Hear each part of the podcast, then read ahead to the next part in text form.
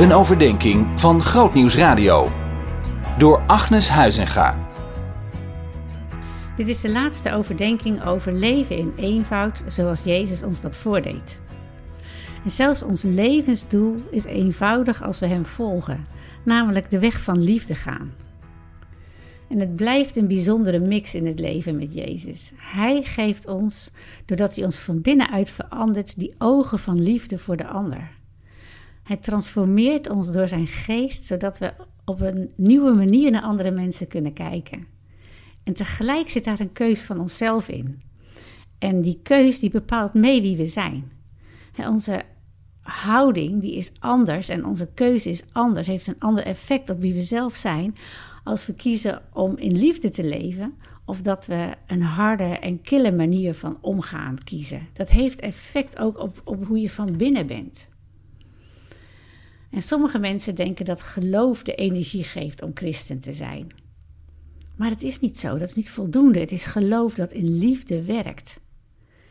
Er zijn veel christenen bij wie geloof uit angst of strijd of gelijk hebben uh, werkt. Maar waarom zou je geloof willen verdedigen? Geloof heeft geen bescherming nodig. Maar het heeft het nodig om verspreid en gedeeld en verteld te worden. Geloof is lopende liefde. Het gaat erop uit om te dienen. In Handelingen 20 staat: Het is meer gezegend om te geven dan om te ontvangen.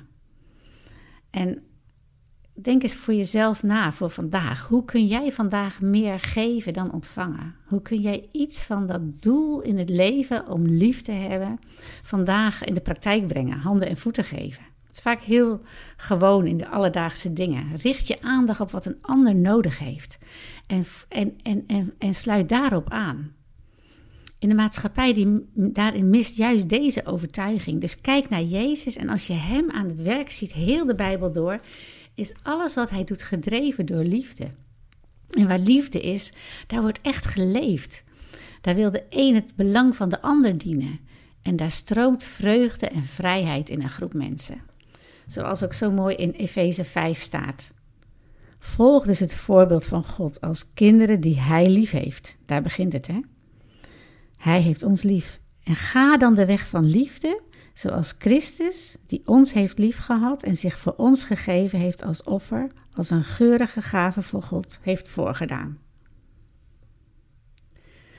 Wat zijn dan de gevolgen als we Jezus volgen in zijn eenvoud? Dan hoeven we niet meer afhankelijk te zijn van allerlei materiële bezittingen of succes, omdat we de bron van alle dingen kennen, namelijk Jezus Christus zelf. Het staat heel kernachtig in Micha 6. Er is jouw mens gezegd wat goed is. Je weet wat de Heer van je wil. Niets anders dan recht te doen, trouw te betrachten en nederig de weg te gaan van je God. En dat bid ik je toe, ook vandaag, ook de komende tijd. Ga die weg van liefde. Zien in nog een podcast? Luister naar De Preek van de Week via grootnieuwsradio.nl slash podcast.